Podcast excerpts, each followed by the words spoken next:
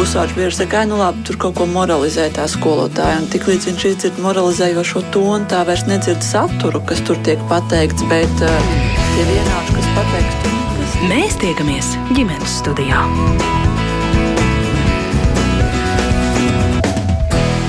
O, cik tas ir tuvu? Labdien! Jau rītā aizsāks nedēļa ilgais sabiedrisko mēdīju labdarības maratons dod pieci un atgādinu, ka šī gada iniciatīva pamanīt un arī palīdzēt tiem pusauģiem, kuriem grūti iekļauties sabiedrībā problemātiskas uzvedības dēļ.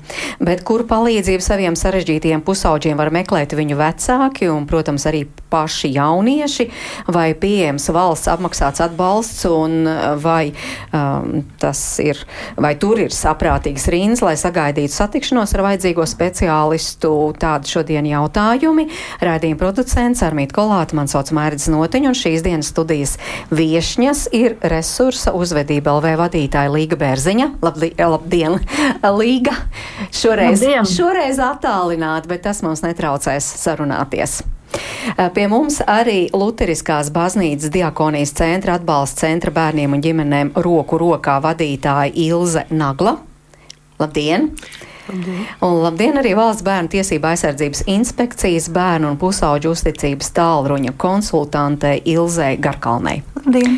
Bet vispirms es vēršos pie līgas. Tātad esam jau runājuši, ka brīdis, kad bērns pārtop par pieaugušo, daudziem tiešām izrādās sarežģīts, bet nu, līga atgādiniet vai raksturojiet tās situācijas, kad nu, speciālistiem ir skaidrs, ka ka ģimene pati netiks galā, ka pusaudzis pats netiks galā un ka palīdzība tomēr būs nepieciešama.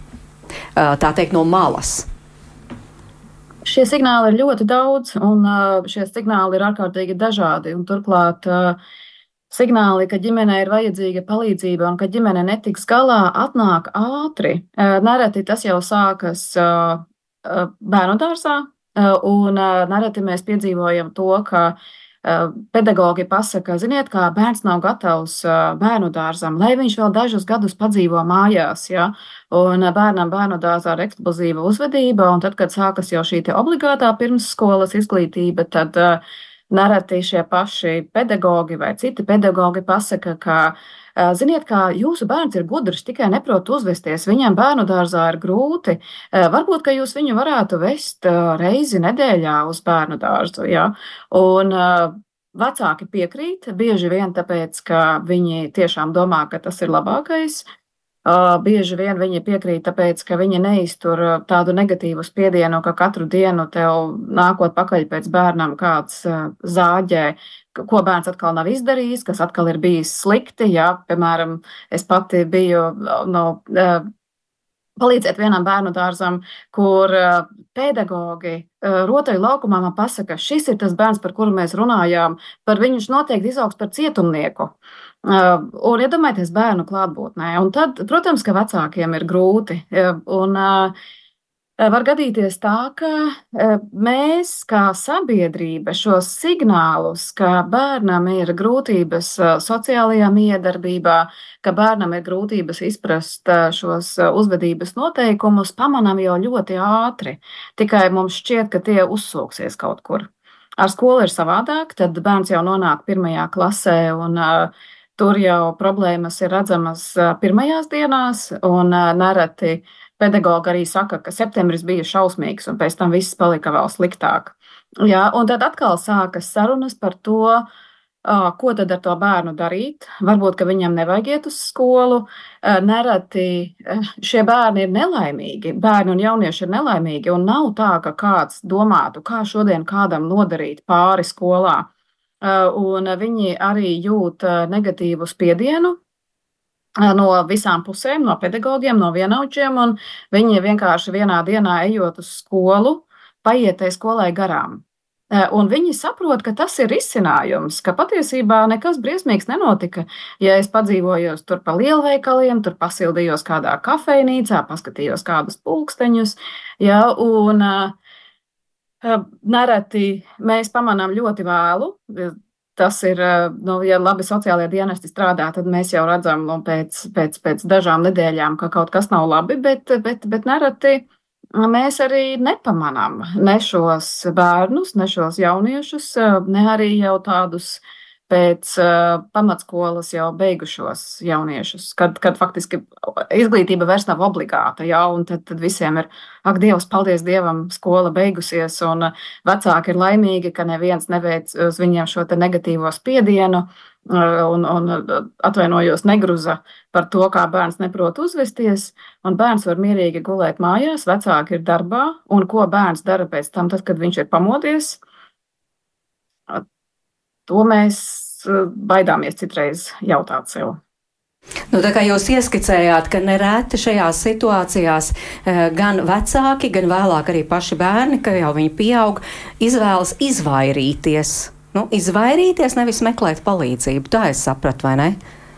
Tas, ko es vēlos pateikt, ka tajos gadījumos, kad arī mums lūdz palīdzību, šie vecāki ir bijuši visur. Un viņi ir bijuši visur jau no kādiem trim, četriem, pieciem, sešiem gadiem. Un, un nereti varbūt mums šķiet, ka tas vecāks atnāk ar eksplozīvu jaunieti un kāds uz viņu sabarās, kur jūs bijāt ātrāk.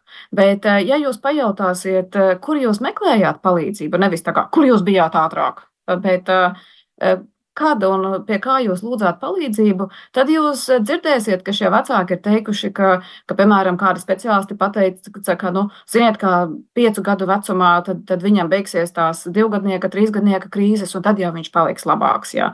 Citi saka, septiņu gadu vecumā viss būs labāk, citi saka, tie spoguļu neironi nobriest un pierast daiva nobriest tur kaut kādos 11 gadu vecumā un tur līdz 25 gadiem, tad jau tad būs viss labāk. Ja? Un, tas stāsts nav par to, ka šie vecāki izvairās meklēt palīdzību. Stāsts ir par to, ka tiešām kur saņemt šo palīdzību. Un tāpat tās arī pedagogi. Un es neticu, ka kādam pedagogam ir ideja izmest to bērnu, bet piedodiet, tā tas ir. Es esmu dzirdējis, pedagogi arī saka, ka, ja es pieņemu lēmumu, ka šim bērnam nav jāmācās mūsu skolā, tad viņš nemācīsies mūsu skolā. Tad, tur, tur tā kā es uzreiz apstrīdu pati sevi. Jā, bet tas, ko mēs redzam, ka nu, pedagogi un skolas arī dara labāko iespējamo, kas ir viņa spēkos, bet pēc savas izpratnes, un tā izpratne citreiz ir ļoti šausminoša, biedējoša, tā kā sodu sistēma, kolektīvā sodīšana, kaunināšana, nu, sodi, kas patiesībā veicina tādu naidu pret skolu, pret klases biedriem.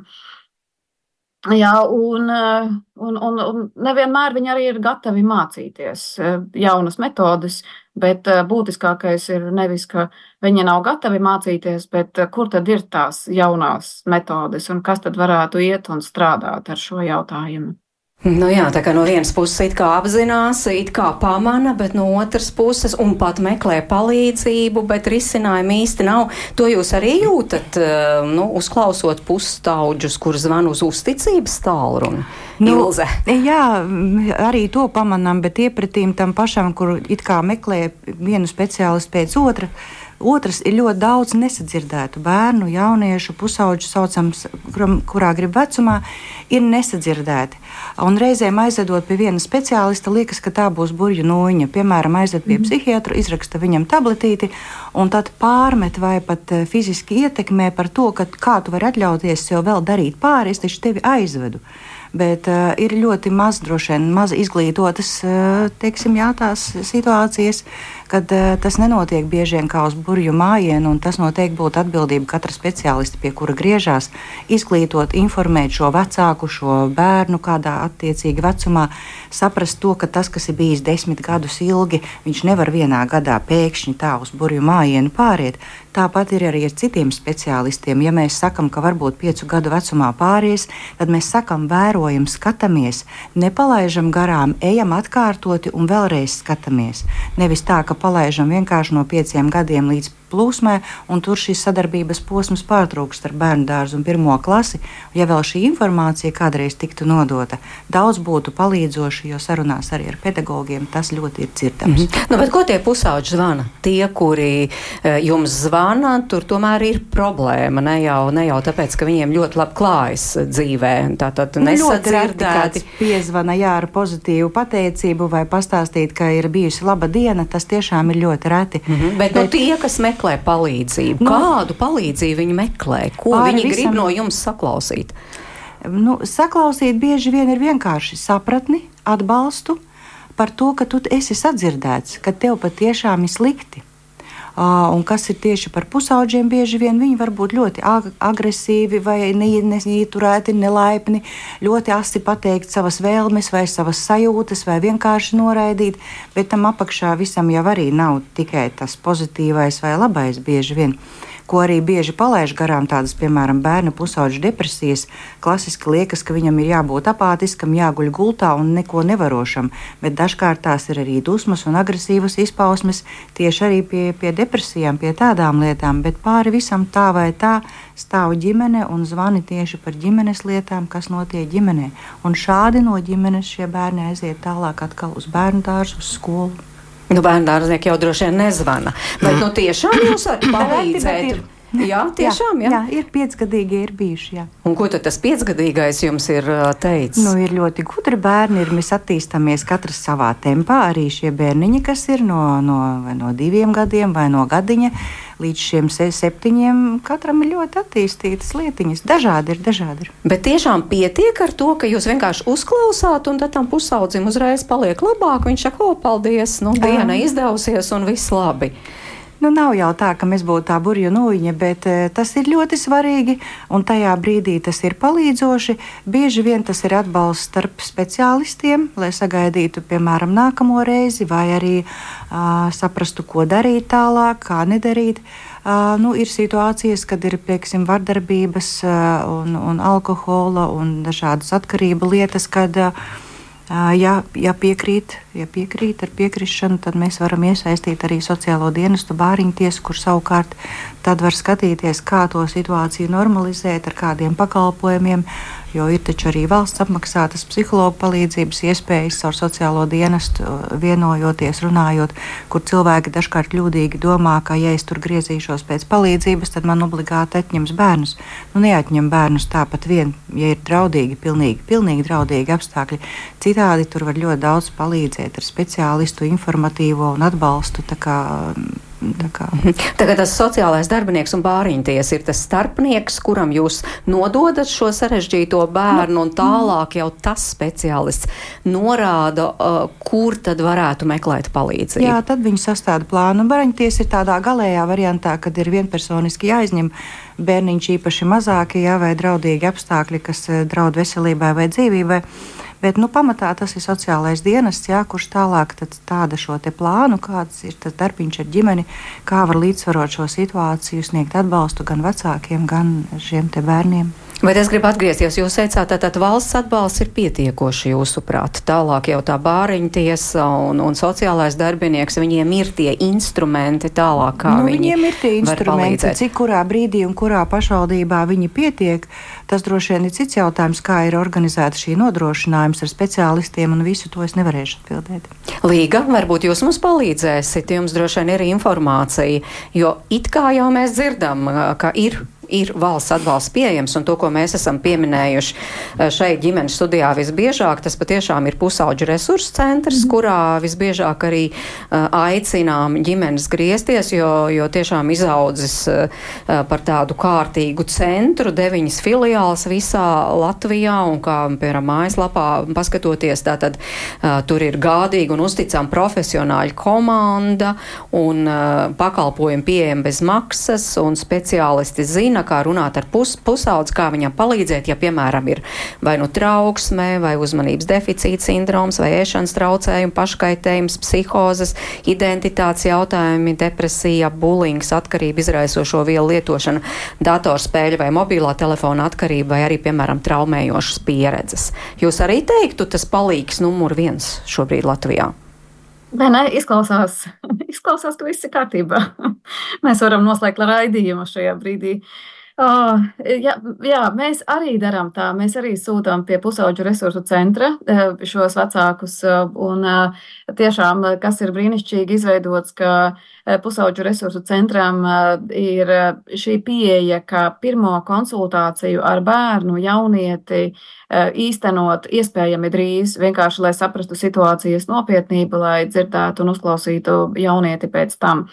Bet izaicinājumi sākas jau tajā brīdī, tad, kad jāsniedz ir pakalpojumi. Izaicinājumi sākas tajā brīdī, tad, kad šiem jauniešiem ir nepieciešama ilgstoša terapija vai ilgstoša rehabilitācija, jo tas arī, ko Ilza minēja, ka visbiežāk nepietiks pat ar sešām psihologa konsultācijām. Un tas, ko mēs dzirdam arī nereti no skolām un no vecākiem, ka tā tad Viņam izrakstīja medikamentus.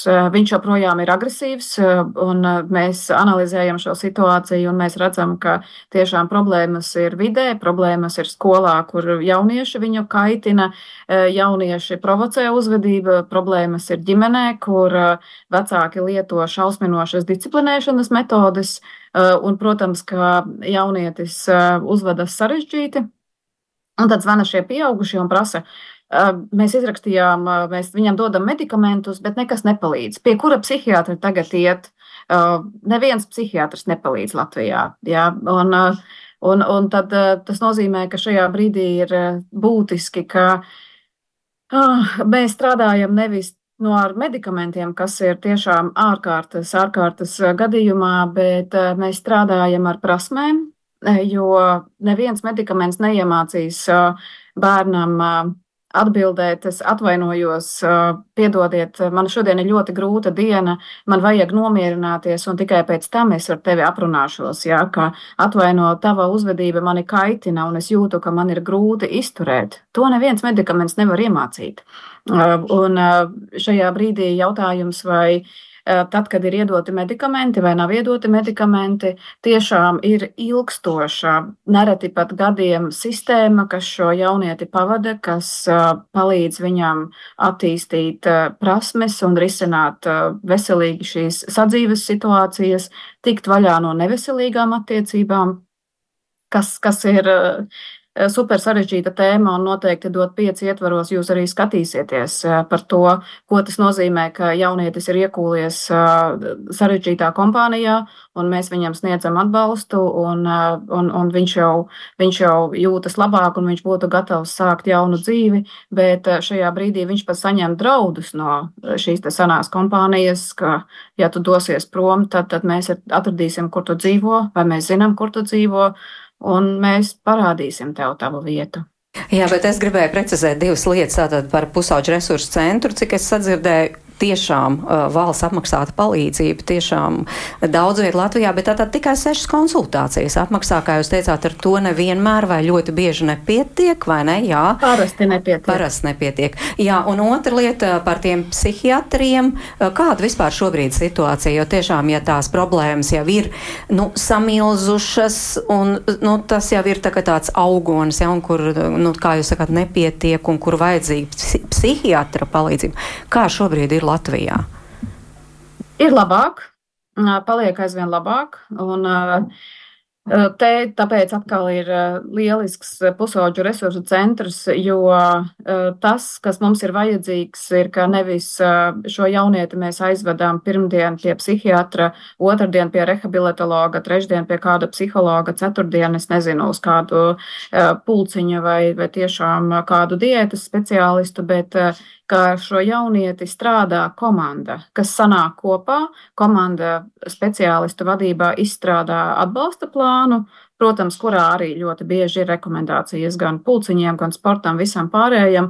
Un tad eh, šis jaunietis eh, un vecāki tiek vadīti cauri uh, šiem gadījumu un birokrātijas labirintiem, jo tas, ko mēs ļoti labi zinām, kādas ir indes, cik grūti ir sazvanīt speciālistus, vecāki bieži vien ir trauksmē, depresijā, noguruši vai nemotivēti. E, viņi divreiz uzzvana uz vienu telefonu, un pēc tam viņi vairāk nezvana un saka, ka tie speciālisti nav pieejami. Lūk, tāpēc ir ārkārtīgi svarīgi, ka šie sarežģītie gadījumi tiešām ir kādās rokās un kāds vada šo jaunieti cauri situācijām. Mm -hmm. Jā, nu viena lieta ir tiešām komandas darbs, otra lieta varbūt arī, ka tā ir ģimenes terapija un ne jau tikai jaunietis, bet tā tiešām ir visa, visa ģimene ir jārastē. Un, nu, cik es paskatījos mājas lapā, teiksim, Valsts bērnu tiesība aizsardzības inspekcija, jums ir tāds arī valsts apmaksāts pakalpojums, kur visa ģimene var nākt un konsultēties. Jā, tas bija šobrīd ir projekts mainījies, un kā viņš būs turpinājumā, tas būs atkal arī ar ģimeni darbs, bet uh, Bija speciālistu komanda, kas šobrīd ir noslēdzies un turpināsies jaunā kvalitātē. Bet sīkāk tad, tad nu, būs zināms, kā viņš taps. Bet, bet šobrīd nav. Šobrīd uh, droši vien, ka ir jau. Jau šobrīd vajadzētu būt jau ar decembri, es domāju. Jā. Protams, visdažādākās iespējas tiek meklēts palīdzēt, un uh, viena no ir arī, piemēram, atbalsts centrs bērniem un ģimenēm roku rokā. Ilze, uh, stāstiet, kā jūs redzat, kā palīdzēt šiem uh, pusauģiem, jauniešiem? Mēs jau strādājam 26. gadu, un mēs esam ļoti daudz domājuši par to, par šo tēmu, jo bērni ir kas ir izkrituši cauri šo režģi, ir bijuši vienmēr un visos laikos. Ja agrāk šiem bērniem bija tādas lietas kā nāži, uh, žiletes, līmes, ostīšana, gaisa atsvaidzinātāji, tad tagad jau tās ir daudz sarežģītākas lietas un savādākas. Ir nomainījušās paudzes. Un, nu, proti, kas ir tās sarežģītākās, sarežģītākās lietas? lietas tagad mums ir telefoni, datori, video. It sevišķi pēc Covid mēs esam iegājuši šajā astrālajā pasaulē un negribam iet ārā. Un mēs varam palietot tabletītes, un uh, alkohols tagad iet ļoti spēcīgi, ko mēs redzam. Jo mūsu redzeslokā ir ap 50 ģimenēm. Un dienas centri jau nav domāti tikai sliktajām ģimenēm. Tās ir domāts jebkurai ģimenei, kuras daudz strādā, ģimenes, kurās ir mazi bērniņi, kur ir jāpieskata, ģimenes, kuras dotajā momentā varbūt nav atradušas darbu, ir meklējumos. Un bērni šeit tiek ne tikai pieskatīti, viņi izmācās, ar viņiem tiek strādāts, viņiem tiek mācīts jaunas iemaņas. Un es neteikšu, ka kāds grib uzreiz kaut ko mainīt. Un viss pasaules sākumā ir tas, ko jūs runājāt iepriekš, ir ģimene. Jo cilvēks bērns savu ģimeni nevar mainīt, ģimene var mainīt. Un ģimene ir dažās situācijās, viņa ir problemātiska vai viņai ir nesakārtota vide.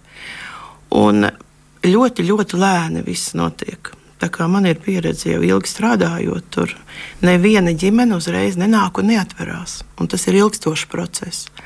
Jo ģimene atnāk, Viņai ir jāpierod. Arī jūs taču neiesiet un kuram pretimnācējiem neteiksiet, man ir tas, man ir tāda problēma, man ir tāda. Viņi ir ļoti lēni, viņi skatās, viņi vēro. Un tad, kad mēs iegūstam uzticību, ģimene atverās, un tad var sākt strādāt. Bet kā jūs dienas centrā strādājat ar šīm ģimenēm, kā jūs sakāt, mums ir galvenokārt jauniešiem? Jā, mums ir eh, šajā gadā arī mūsu pakalpojumu spēku pašvaldība Mums ir tas savs augstais otrais līmenis, kurā mēs strādājam ar ģimeni. Jo to jau mēs darījām ilgstoši, bet tagad tas ir tā pastiprināti. Acīm redzot, ir samilzus šīs problēmas.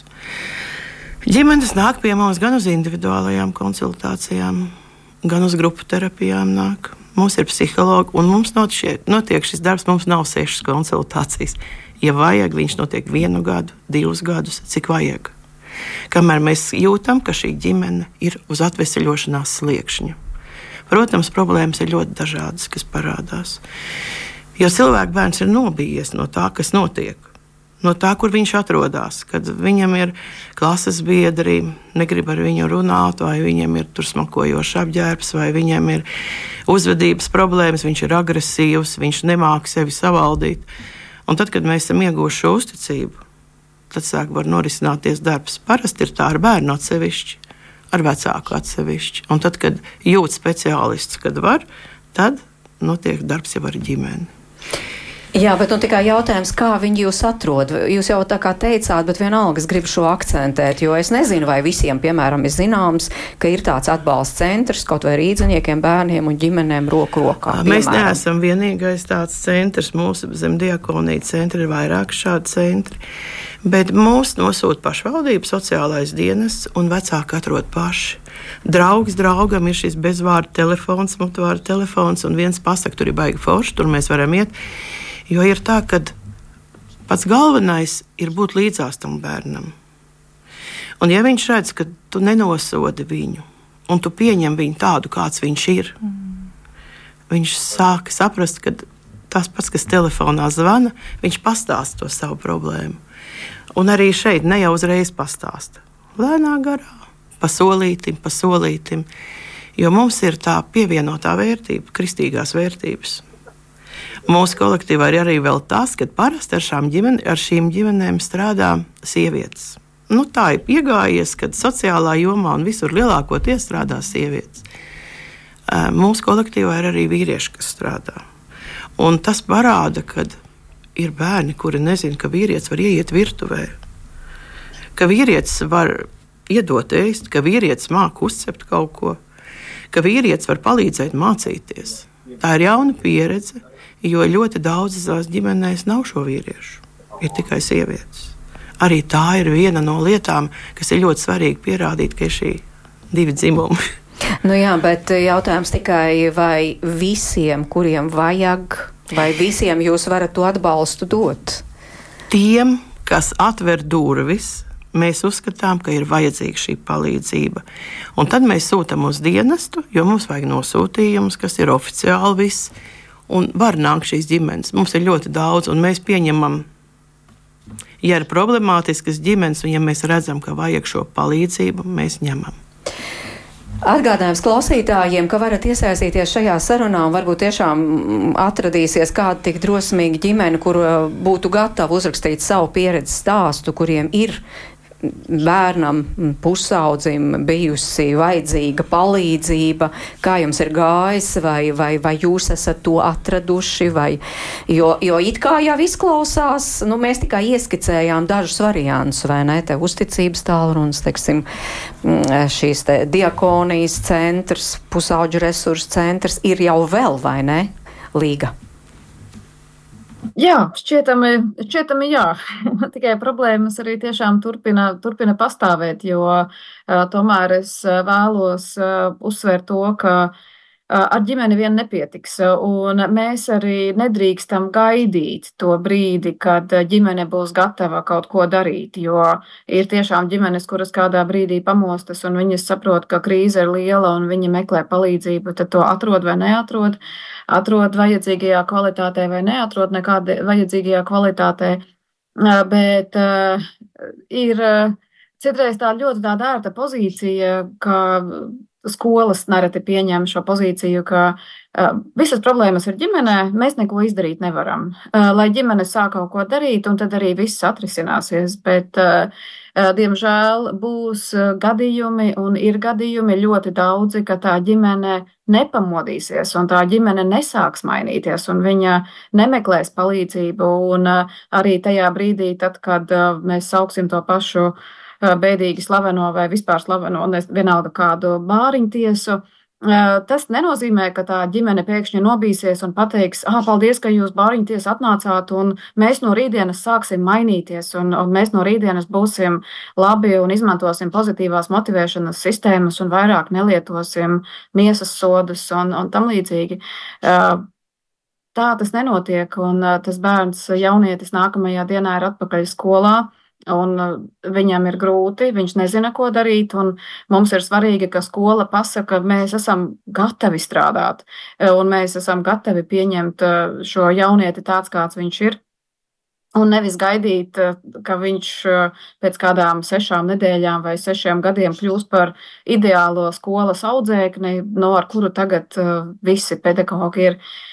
Uh, gatavi un motivēti strādāt. Un, uh, mēs esam daudz runājuši, un arī šī dot pieci kampaņas ietvaros mēs runāsim atkal un atkal par to, ka nereti izglītības iestāde, arī dienas centri ir drošākā, siltākā vieta jaunietim. Ja, un mums ir jāspēlē ar tām kārtīm, kuras mums ir izdalītas. Mums ir jāredz tas jaunietis, kāds viņš ir šodien, ar to ģimeni, kāda viņam ir šodien, un, un jāpalīdz tieši tagad. Jā, nu, gal galā skolās ir arī gan psihologi, gan sociālai darbinieki, bet, bet vienmēr tas nav stāsts par ģimenēm, kurās ir problēmas. Mm. Vai ne? Tieši tā, tieši tā, jo uh, nav, un tas es to vēlos uzsvērt, un es tiešām to saku, es gribu aizstāvēt ģimenes un visas Latvijas ģimenes, ja, ka tā, tas ir pārāk vispārināti pateikt, visas problēmas nāk no ģimenēm, jo tāpēc, ka jaunietis arī no labām ģimenēm var aiziet uz skolu, un viņš var sastart, sastapties pilnīgi nelaikā un nevietā ar nejauku kom, kompāniju. Un, viņu var ievilkt iekšā kaut kādās nu, darījumos, vai tā kā, hei, ejam uzsmēķēt, ejam kaut ko padarām, šis būs ļoti jautri.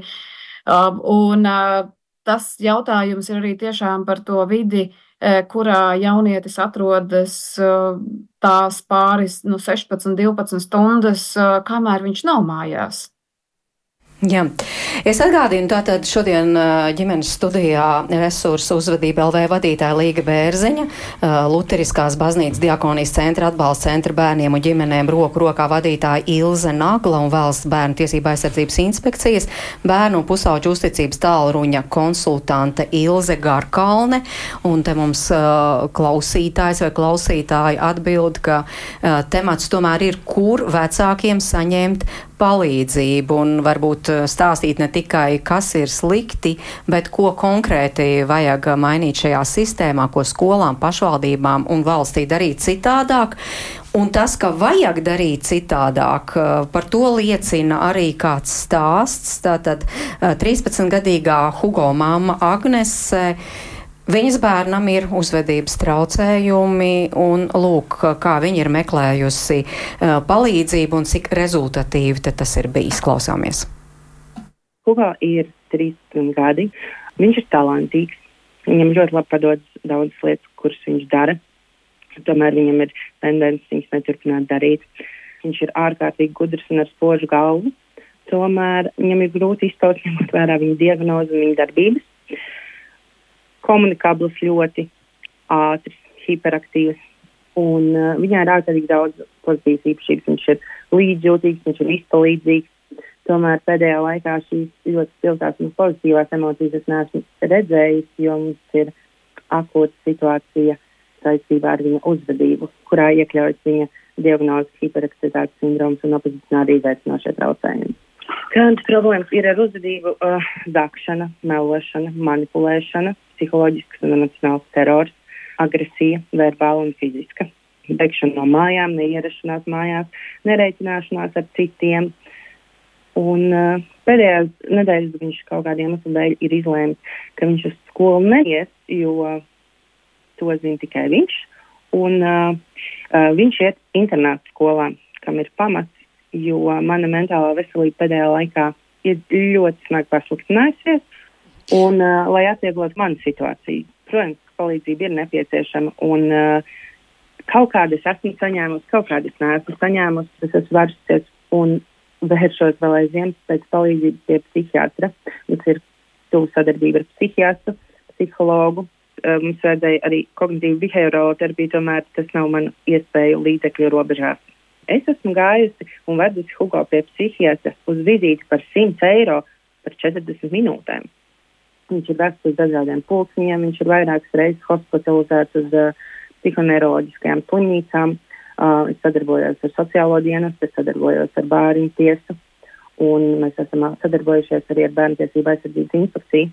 Un uh, palīdzība vienīgā, kas mums ir bijusi kaut kad otrajā klasē no bērnu tiesību aizsardzības inspekcijas, kur tika izstrādāts individuālais plāns, lai palīdzētu viņam mācībās un skolā un tas ir vēl aizvien aktuāli. No sociālā dienesta mēs esam saņēmuši ģimenes asistentu salīdzinoši nesen, ka tas īsti vairs nav tik vajadzīgs, un uh, desmit psihologu apmeklējumus. Un uh, ir bijuši arī aicinājumi sūtīt pieteikumus uz uh, projektiem, kas ir bijis kaut kādas draudzēšanās, sociālās attīstības grupas un tādas lietas, bet arī tur, diemžēl, mēs neesam tikuši, jo vai nu viņiem nav bijis atbilstošs vecums, kādu mums vajag, jo nevar gluži likt 18 gadnieku ar 12 vai 11 gadnieku. Vai arī tagad ir brīnišķīga programma, jo Hugo ir problēmas ar vielu lietošanu, un ir brīnišķīga programma Jēlgavas ģintermojuša slimnīcā tieši jauniešiem, kur ir mentoru programma, kur var doties jaunietis, kuram ir tendence uz vielu lietošanu, kur uh, ar viņu strādās dažādi speciālisti, būs dažādas terapijas, viņam tiks piešķirts individuāls mentors, ar kuru viņš strādās, kurš viņu iedvesmos un mācīs un virzīs pareizajā gultnē. Tomēr, lai to darītu, ir nepieciešams cilvēks, kurš ir gatavs to darīt. Bet, ja šis cilvēks neatnāk mājās vai atsakās kaut kur doties, viņi nevar piespiest kaut kur doties atklāti sakot, vislielāko atbalstu un palīdzību, kur es esmu guvusi kā vecāks, un ieteikumus, ko darīt dažādās situācijās. Es esmu guvusi UDHS vecāku atbalstu grupā, kas ir Facebookā, komunicējot ar vecākiem, kam ir līdzīgi izaicinājumi ikdienā. Dalāmies ar savu pieredzi, saviem speciālistiem, jo ir ārkārtīgi daudz speciālistu, pie kuriem var iet. Protams, viņi saprot savu lietu, ko viņi dara. Tomēr ir arī tādi, kas diezgan skaidri pasaka, izaugs bandīts un ar to arī beigta balva ir pēdējā laikā es vairāk meklēju palīdzību sev nekā savam dēlam, jo mans dēls ir atteicies kategoriski piedalīties un līdzdarboties un kaut ko mainīt vai darīt savas uzvedības un savas rīcības rezultātos. Un, uh, diemžēl es esmu uzrakstījis iesniegumu bāriņtiesā par iespēju uz laiku atteikties no saviem vecāku pienākumiem, jo dēļ savas mentālās veselības, kurai ir ļoti, ļoti smagā stāvoklī, es nespēju pilnvērtīgi pildīt savus vecāku pienākumus. Viņi to kotē kā manu nekompetenci bērnu audzināšanā. Tā kā tur es jūtu nosodījumu. Tad, kad es vērsos pie bērnu tiesības aizsardzības inspekcijas pēc palīdzības, kad mani iekšējie resursi ir izsīkuši un viņi vairs nav, man uh, inspektori atbildēja to, ka vienīgās personas, kuras pārstāvēs manas intereses šai valstī, ir mani advokāti. Un tad, kad es vērsos pie labklājības ministrijas ģimenes lietu departamenta direktors vietniece. Viņa teica, ka es varu rakstīt ēpastu, un tad jau atbildēs, kad atbildēs. Un jūs saprotat, tam visam ir vajadzīgs resurs, lai to darītu, bet man viņa vairs nav.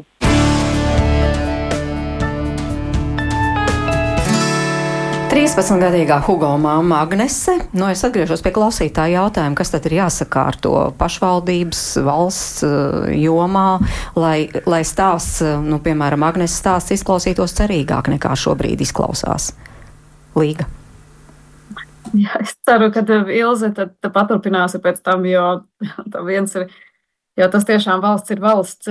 Tas pirmais ir tiešām, ko, ko es arī gribēju pateikt, izturību. Agnes situācija situācija ir šausmīga un, un tiešām tas, ko es arī minēju, ka vecāki dodas no iestādes pie iestādes, no pakalpojumu sniedzēja pie pakalpojumu sniedzēja, un vienkārši viņi vienā brīdī nogurst, un viņiem ir savas ikdienas dzīves un arī darbi. Un, uh, arī viņi tiešām var nonākt gan depresijā, gan eh, izdegšanā, gan, gan, gan, gan citos, citos, citos briesmīgos eh, eh, stāvokļos, kur tāds ar turies tev jāturās, nepalīdzēs. Un, tas, ko Agnēs arī minēja attiecībā uz saskarsmes treniņu grupām, tās tiešām vajadzētu Latvijā daudz, daudz, daudz vairāk, jo mēs arī zinām tikai dažas vietas, kur šie apmācības notiek, treniņi notiek, un šajās draudzēšanās grupiņās, piemēram, tā kā mēs strādājam stundu, mēs strādājam ar jauniešiem. Mācām viņiem tiešām sadarboties grupā, lietot konstruktīvas problēmu risināšanas prasmes, impulsu kontrolas prasmes, bet pēc tam nākamā pusstunda ir uh, laiks, kad mēs aicinām vecākus un pedagogus skatīties, kā mēs darbojamies ar šiem bērniem. Mēs esam bieži sastapušies, ka eh, šādu 11 gadnieku vai 7 gadnieku vecāki nekad nav dzirdējuši nevienu labu vārdu par savu bērnu. Viņiem tiešām nav ne mazākā priekšstata, kā strādāt ar opozicionāru bērnu, kā strādāt ar bērnu ar izteiktu negatīvismu, ar bērnu, kurš ir cietis uh, pārdzīvojis daudz dažādas traumas, vai ar bērnu, kam ir eh, mentālās veselības problēmas, autisms, eh, UDHS, eh, hiperaktivitāte. Un šīs ir sistemātiskas zināšanas, kuras būtu vajadzīgas vecākiem gadu no gada. Un, tas viens, ar ko es tiešām vēlētos sākt, mīļie vecāki, ja jūs redzat, ka jūs nevarat veidot šīs atbalsta, šīs saskarsmes treniņu grupas un nevarat pieteikties viņām, meklējiet kaut vai veselīgus veidus, kā jūs paši varat veidot ģimenes lokā draudzīgas attiecības, lai ir kaut vai vismaz viens jaunietis ārpus skolas, ārpus visām citām sistēmām, ar ko bērns var iemācīties, sadarboties. Uh, pozitīvā, pozitīvā veidā. Un nākamais, kur es arī pilnīgi piekrītu, ka ir jāatbalsta arī vecāki, jo tajā brīdī, ja vecāks ir izdedzis pārguris, viņš nevarēs būt laipns un pieklājīgs vecāks. Un mēs taču paši zinām, ka tad, kad mēs nogurstam pat, pat bērni, vecāki, kam ir ideāli trīs, pieci bērni vai viens bērns vai neviens bērns, mēs nogurumā paliekam asi.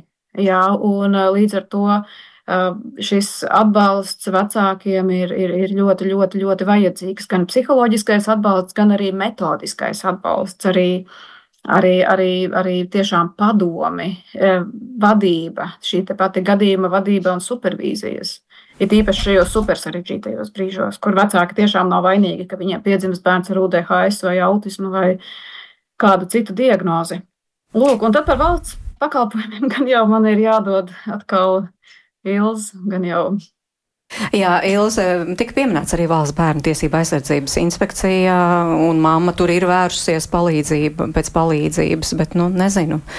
It kā, it kā jau sastādīja plānu, kā tur labāk ar to mācīšanos tik Nevarēšu galā, atbildēt bet, par konkrētu protams, plānu, jā. bet to, ko Līga teica, es viennozīmīgi varu tikai piekrist. Es esmu saskārusies arī to, ka zvana uh, vecāki, kuri ir tiešām, kur daži nu, tiešām izglītoti un gudri cilvēki, viņi saka, es esmu pilnībā izdedzis, pilnībā izdegusi, un es nevaru vairs nezinu, ko darīt. Uh, tas ir noteikti tas, kas tas jau ir tas pēdējais sarkanais karodziņš, kad jau ir sauciens SOS, kad jau vairāk nevar. Tad kā tālāk to darīt? Uh, Tas nozīmē, ka, ka jāmeklē ir regulāras lietas, kā, kā mēs varam gūt sev šo atbalstu vai, vai stiprinājumu, ja kas ir tie speciālisti, pie kā mēs ejam. -hmm. Otrs ir pie šīm diagnozēm. Viņas neparādās. Visbiežāk viņas neparādās pēkšņi 12, 13 vai 15 gadu vecumā.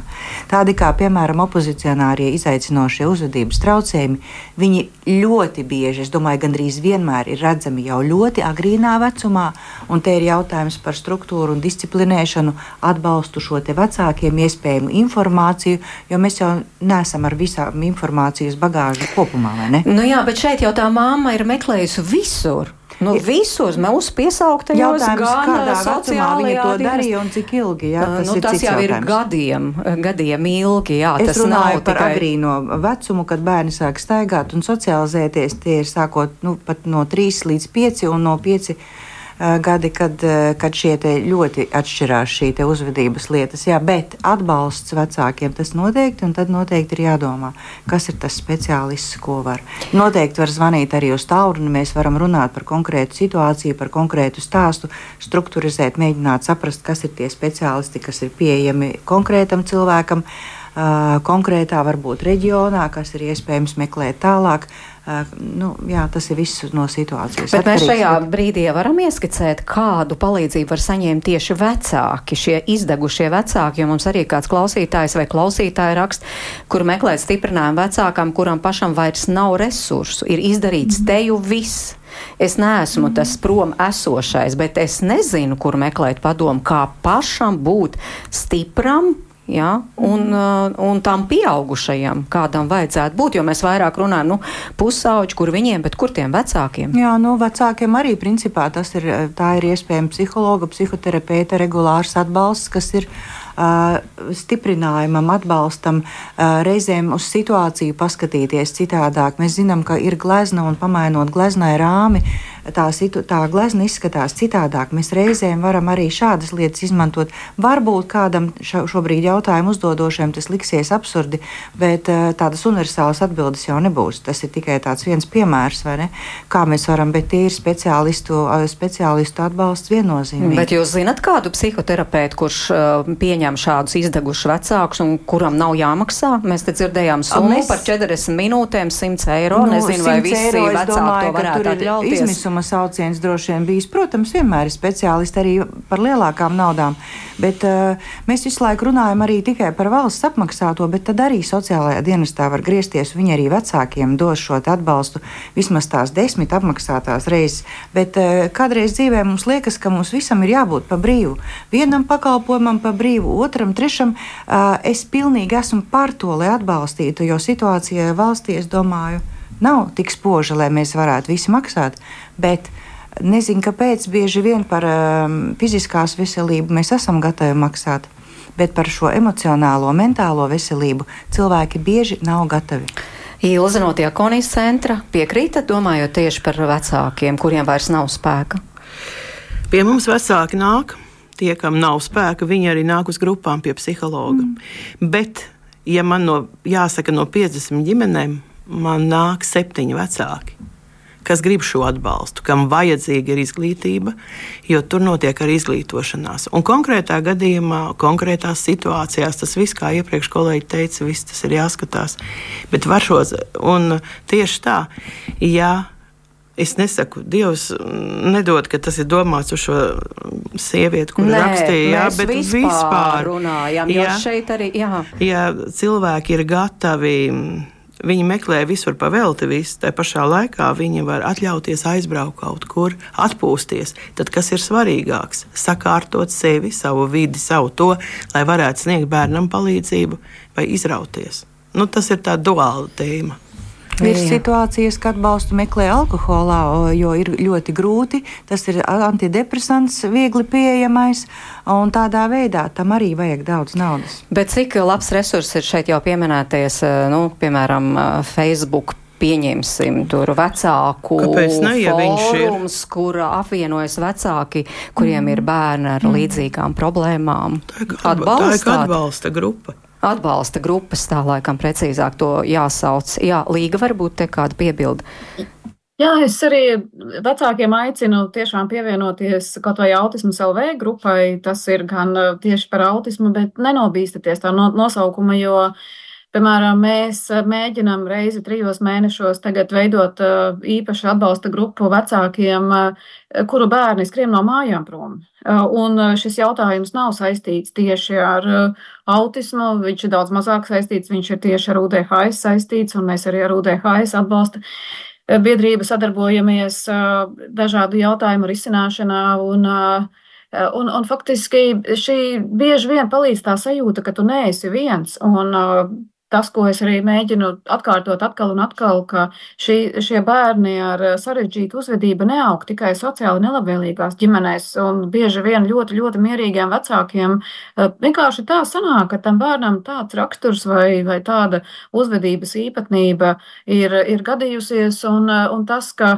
mēs tagad vainojam vecākus vai vainojam ģimeni, eh, tas nevienā veidā nepalīdz. Tas tikai nostiprinās šo vainas apziņu, un vecāki vēl vairāk izvairīsies meklēt palīdzību, jo viņi vienkārši jau galvā dzirdēs tos balsis, ka tā kā problēma ir ģimenē, kur jūs bijāt ātrāk, un, un tas atgriezties atpakaļ bērnībā vairs nepalīdzēs. Mums ir jāskatās, ja tam jaunietim ir 16 gadi, mums ir jārunā, ko darīt ar viņa tieši šajos pašos eh, 16 gados, un, un Dieva dēļ, mīļie vecāki, svarīgākais ir nepalieciet vieni. Ja jums ir grūti, ja jums ir drūmas domas, zvaniet kaut vai uz krīzes tālruni, zvaniet kaut vai uz to pašu bērnu tiesību aizsardzības inspekcijas tālruni.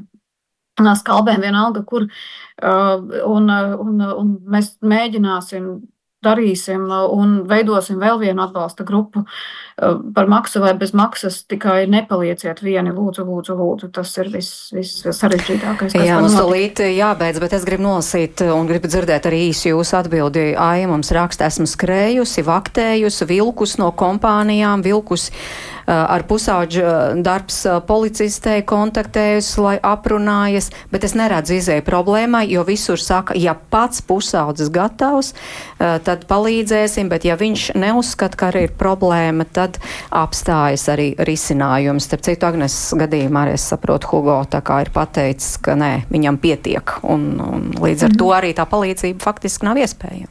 Ko tādās situācijās darīt?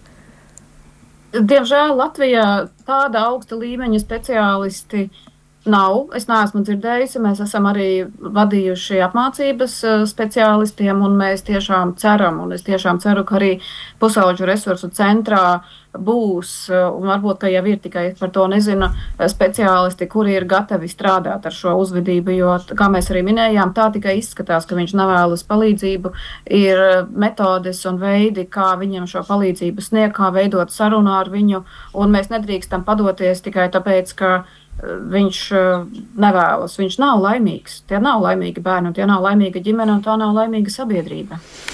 Nu, tad vēlreiz Anna mums saka, tomēr ļoti maz reālus ieteikumus dzirdēju. Mums ir jābeidz no katras no jums. Mamma tā tad šāda zvana. Kur jūs ieteikt, kur iesties? Varbūt katra trīs. Kāda trīs mamma, vietas. kāda mamma? Mamma, kurai ir šāds sarežģīts problēmas, eh, sarežģīts pusaudzis, un viņa jautā, kur lai es meklēju palīdzību. Ko jūs teikt? Nu, viss ir atkarīgs no situācijas. Vienas receptes noteikti nebūs. Nu, bet tomēr, kur būs tie centri? Kur jūs teikt, uz kurieni? Nu, atkarībā no ģimenes, cik viņi ir funkcionējoši un kas ir nepieciešams, viens ir griezties sociālajā dienestā pēc palīdzības un atmest stereotipus, ka vienmēr tāpēc bērnus aizvedīs uz bērnu namu. Taisn otrādāk, ja ģimene vēlas un mm -hmm. grib sadarboties. Un, Jā, nu, jā ātrāk tas tātad tas ir sociālais dienests, kas vēl? Jā, tad, protams, var griezties arī šai pusauģu resursu centrā, bet es saprotu, ka tur eh, rindas ir diezgan lielas mm -hmm. un beidzoties sešām reizēm neviens nav gatavs maksāt tālāk, un tas process, tad tas pakalpojums tiek izmantots nu, tā, kā viņš tiek Un izmantots. trešais?